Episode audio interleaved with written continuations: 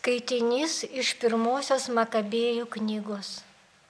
Karalius Antiochas, keliaudamas po rytų provincijas, išgirdo apie vieną Persijos miestą vardu Eliamadą, įžymų tuo, kad turis daug sidabro ir aukso. Jame taip pat esanti labai turtinga šventovė. Makedonijos karalius Aleksandras, Filipo sūnus, pirmasis karaliumi tapus greikas, palikęs tenai auksinių skydų, šarvų ir ginklų. Tad Antiochas tenai nužygiavęs bandė tą miestą užimti ir apiplėšti, bet jam nepavyko, nes miesto gyventojai, supratę jo planą, ginklų pasipriešino. Jis buvo priverstas bėgte atsitraukti ir labai nusiminęs pasuko atgal į Babiloną. Dar Persijoje jis buvo pasiekęs šauklys, jį buvo pasiekęs šauklis su žinia, kad judėjon įžengusios kariuomenės esančios sumuštos. Taip pat ir Lyzijas, stiprių pajėgų priekyje išėjęs į mūsį, mūšį, sunkiai prieš žydus pralaimėjęs anų ginkluotė ir smogiamųjų jėga, esanti sustiprėjusi dėl didelio grobio, paimto iš sumuštųjų armijų. Jo pastatydinta ant altoriaus Jeruzalėje pabaisa, anie nuvertė ir šventiklos kieme apvedė aukštą kaip pirma mūro siena, taip pat ir jo miestą Betcūrą. Karalius Tai išgirdęs apstulbo ir labai sunerimo, turėjo atsigulti, nes jį ištiko silpnumas. Jis buvo toks nusiminęs, kad žlugo jo planai. Šitaip praėjo daugel dienų.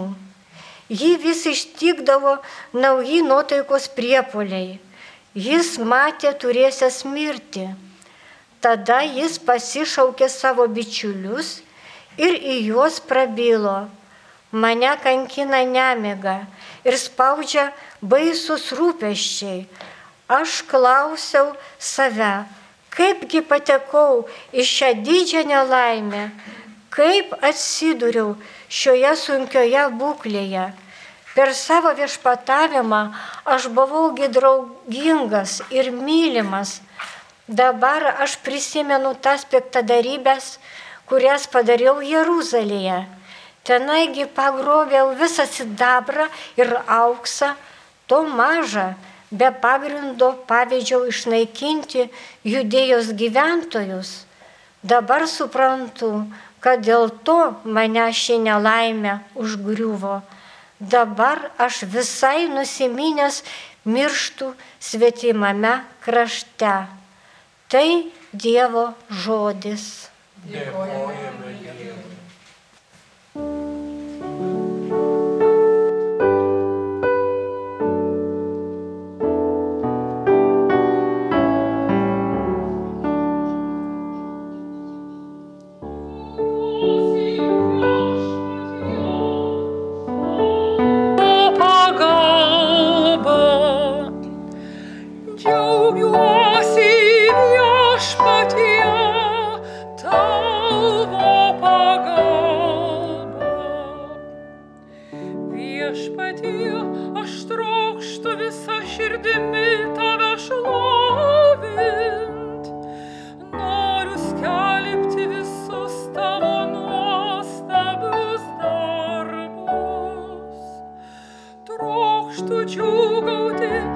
them.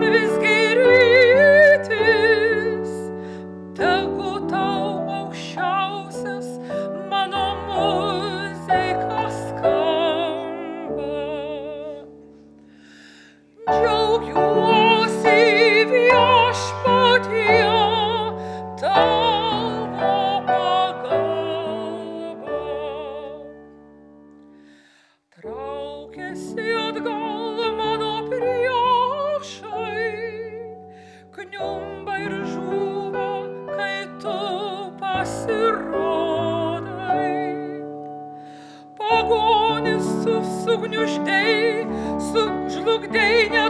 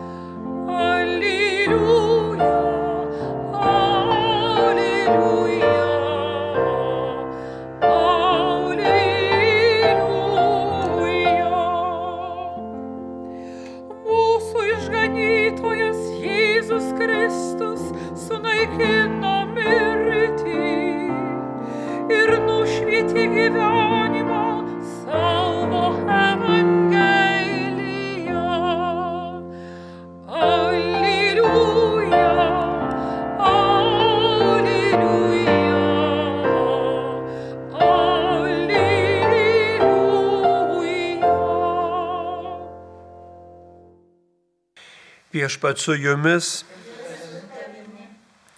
iš Ventosios Evangelijos pagal Luką.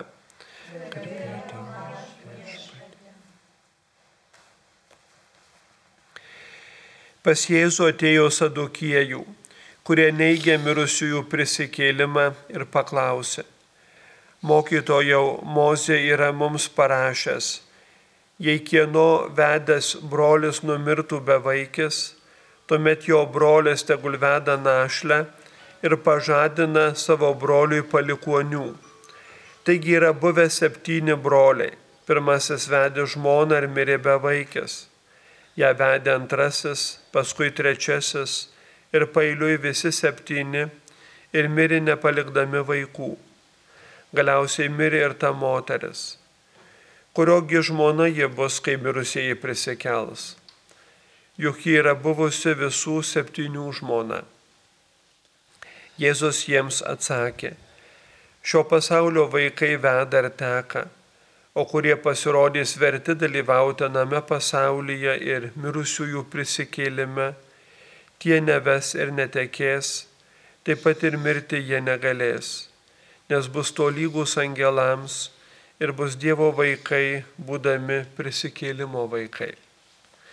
O kad mirusieji prisikels, mini ir Mozė pasakojame apie krūmą, kuris viešpatį vadina Bromo dievu, Izaoko dievu ir Jokūbo dievu. Juk Dievas nėra mirusiųjų Dievas, bet gyvųjų, nes visi jam gyvena. Tuomet kai kurie rašto aiškintojai atsiliepė, mokytojau, tu gerai išaiškinai. Ir daugiau niekas nebedrįso jo klausinėti. Tai viešpatie žodis. Šlovė tau, Kristau. Evangelijos žodžiai te panaikina mūsų kaltes.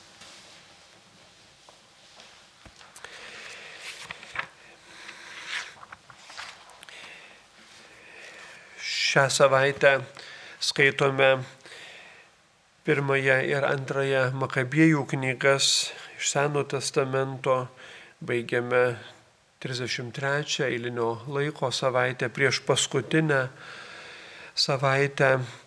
Šiandien jau vakare melsimės pradėdami švęsti paskutinę liturginių metų savaitę, švesdami Kristaus visatos valdovo, Kristaus karaliaus iškilmę.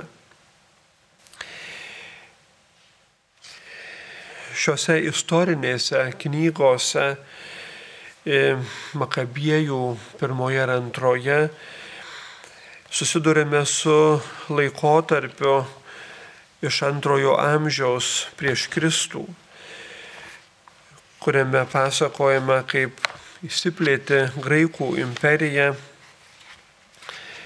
ir užėmė judėją. Ir štai girdime, kaip e, karalius išgirsta, jog jo planas išlaikyti valdžią judėjoje e, žlunga, nes žydai susibūrę nugali jo kariuomenę, apvalo šventyklą ir džiugauja būdami laisvi.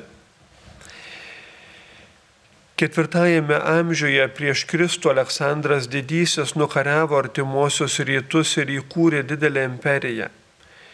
Kai jis mirė, imperija pasidalijo jo generolai, kurių įpėdiniai tapo didelių teritorijų karaliais. Šie karaliai pradėjo tarpusavyje kovoti, o žydai kaip tik atsidūrė pačiame šių kovų centre. Be to karaliai toliau tęsė Aleksandro politiką, bruko žydams graikų kultūrą, o kartais versdavo atsižadėti Abromo dievo.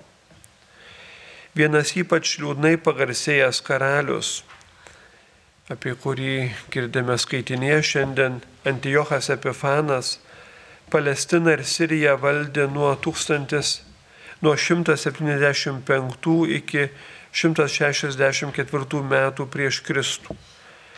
Nes prieš Kristų metai žemėjančią tvarką skaičiuojami.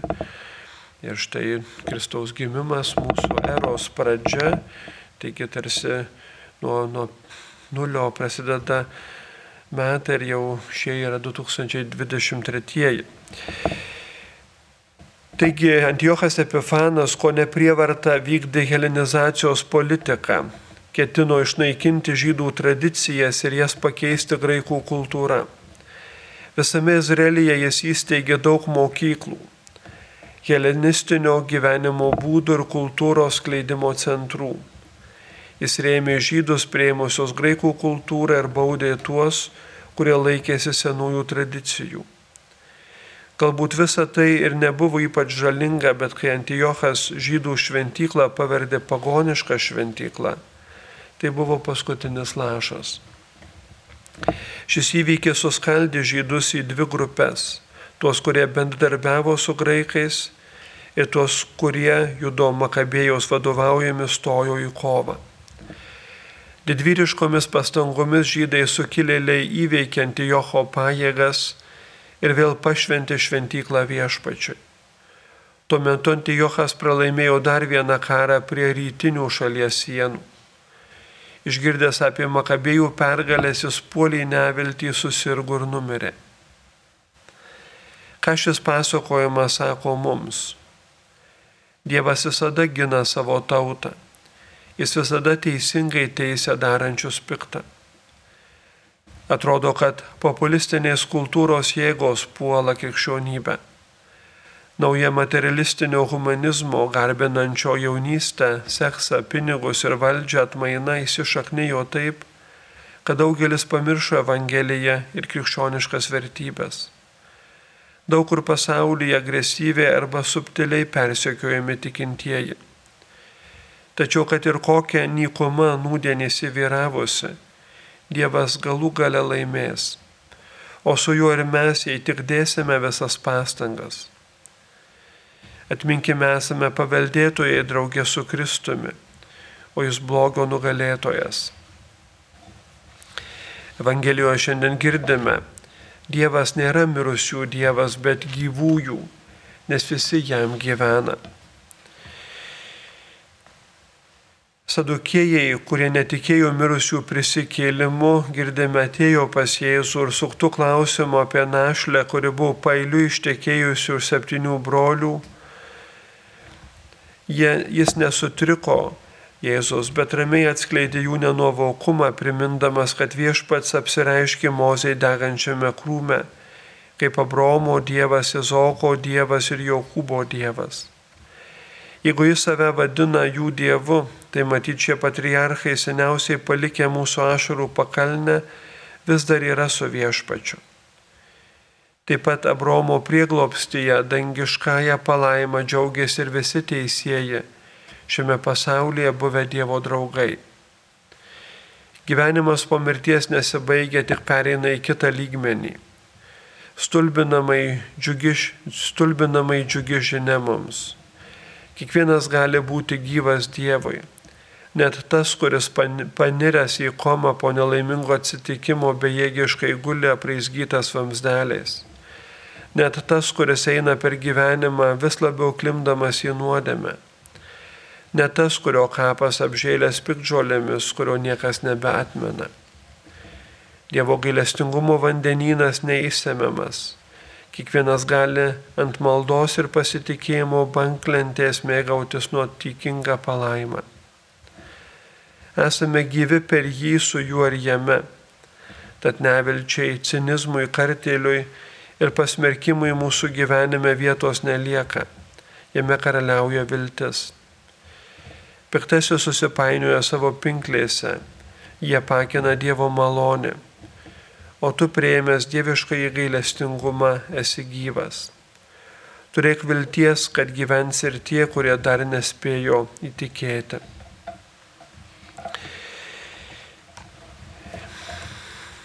Šiandien Evangelija, broliai seserys, mums atsako į tą klausimą, kas bus Kai mes iškeliausime iš šios žemės, Jėzus sadukėjams, kurie pripažįsta tik pirmas penkias Seno testamento knygas, kurie žvelgia į Mozę kaip autoritetą, kaip vienintelį pranašą pripažįsta būtent Mozės žodžiais arba Dievo žodžiais Mozei, kai Dievas apsireiškia Mozei degančiame krūme ir prisistato kaip Abraomo Dievas, jo Izaoko Dievas ir Jokūbo Dievas, asmenų, kurie seniai jau apleidė ir šį pasaulį Dievas, rodo, kad po mirties šie Dievo bičiuliai toliau yra gyvi. Dievas jų nepamiršo.